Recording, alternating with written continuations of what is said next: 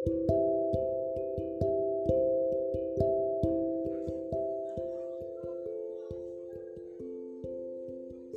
yang sudah kamu ikhlaskan pergi, tak perlu kamu harapkan lagi.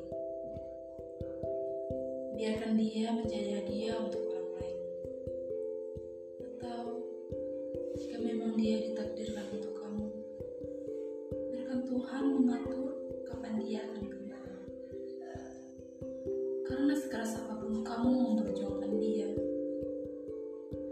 jika dia bukan yang terbaik untuk kamu, semesta akan membuat dia terus menyakiti kamu.